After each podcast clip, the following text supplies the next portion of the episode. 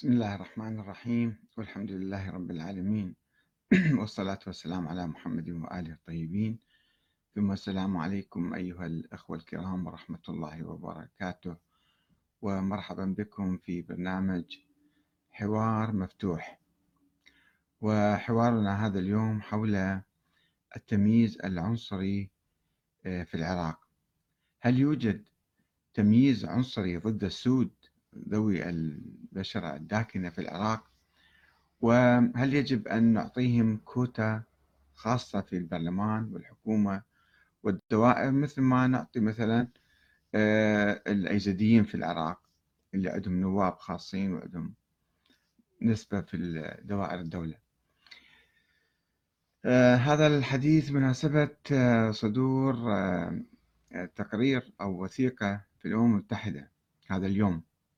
يوم 17 كانون الأول 2018 الأمم المتحدة آه، تصدر وثيقة تمنح بموجبها آه، حقوقا لأصحاب البشرة السمراء في العراق. أعلنت المفوضية العليا لحقوق الإنسان. هذا اليوم الاثنين صدور أول وثيقة دولية تتضمن اعتراف الأمم المتحدة بحقوق السود في العراق فيما يخص التمثيل السياسي والتعيينات وأمور أخرى.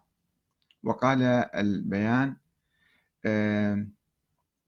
أن اللجنة الدولية المختصة قامت بمتابعة التزامات الدول حول اتفاقية مناهضة التمييز العنصري بعد جلسات عدة عقدتها في مقر مجلس حقوق الإنسان التابع للأمم المتحدة في جنيف حيث تكلل عنها إصدار أول وثيقة دولية في توصياتها للحكومة العراقية تقر بوجود تمييز عنصري ضد السود في العراق وتعترف بحقهم في المساواة مع أبناء بلدهم في أن يمثلوا, يمثلوا سياسيا وأن يكون لهم حظوظهم في التعيينات أسوة بباقي شرائح المجتمع العراقي.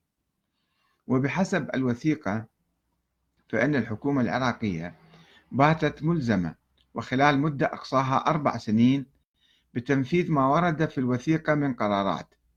ومن بين القرارات التي تتضمنها الوثيقة توصيات دولية بحث الحكومة العراقية على محاربة كل أشكال التمييز العنصري ضد مواطنيها من ذوي الأصول الإفريقية أي السود العراقيين.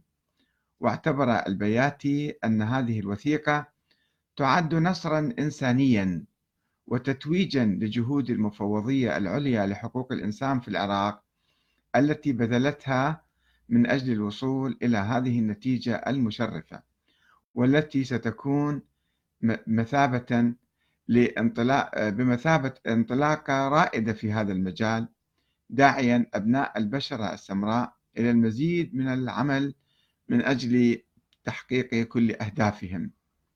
ومن جانبه أثنى رئيس تجمع البشرة السمراء عبد الحسين عبد الرزاق دور المفوضية بكسب الاعتراف الدولي في الحقوق المهدورة لأصحاب البشرة السمراء.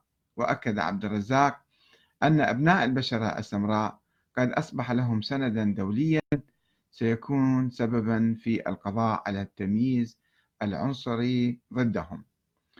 آه، قبل أسبوع أيضا آه، محطة آه، إذاعة بي بي سي آه، نشرت أيضا آه، تقريرا اجتماعيا من البصرة. قالت هناك يعني تمييز ضد السود اجتماعي وإداري. يعني لا يزوجون ولا يوظفون ويهانون أيضا بإطلاق كلمة عبد عليهم عبد أو عبدة. حتى أن مديرة مدرسة قالت للتلميذة يعني أهانتها وقالت لها أنت عبدة ولم تساوي بينها وبين الآخرين.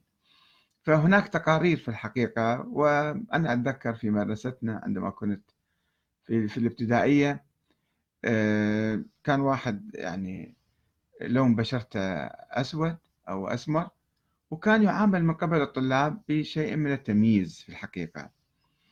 آه، يعني في المجتمع يعني هذا الشيء موجود ما يعني بعض الأخوة أنكروا هذا الشيء وقالوا أصلا لا يوجد آه، تمييز لذوي البشرة السوداء في العراق وبعضهم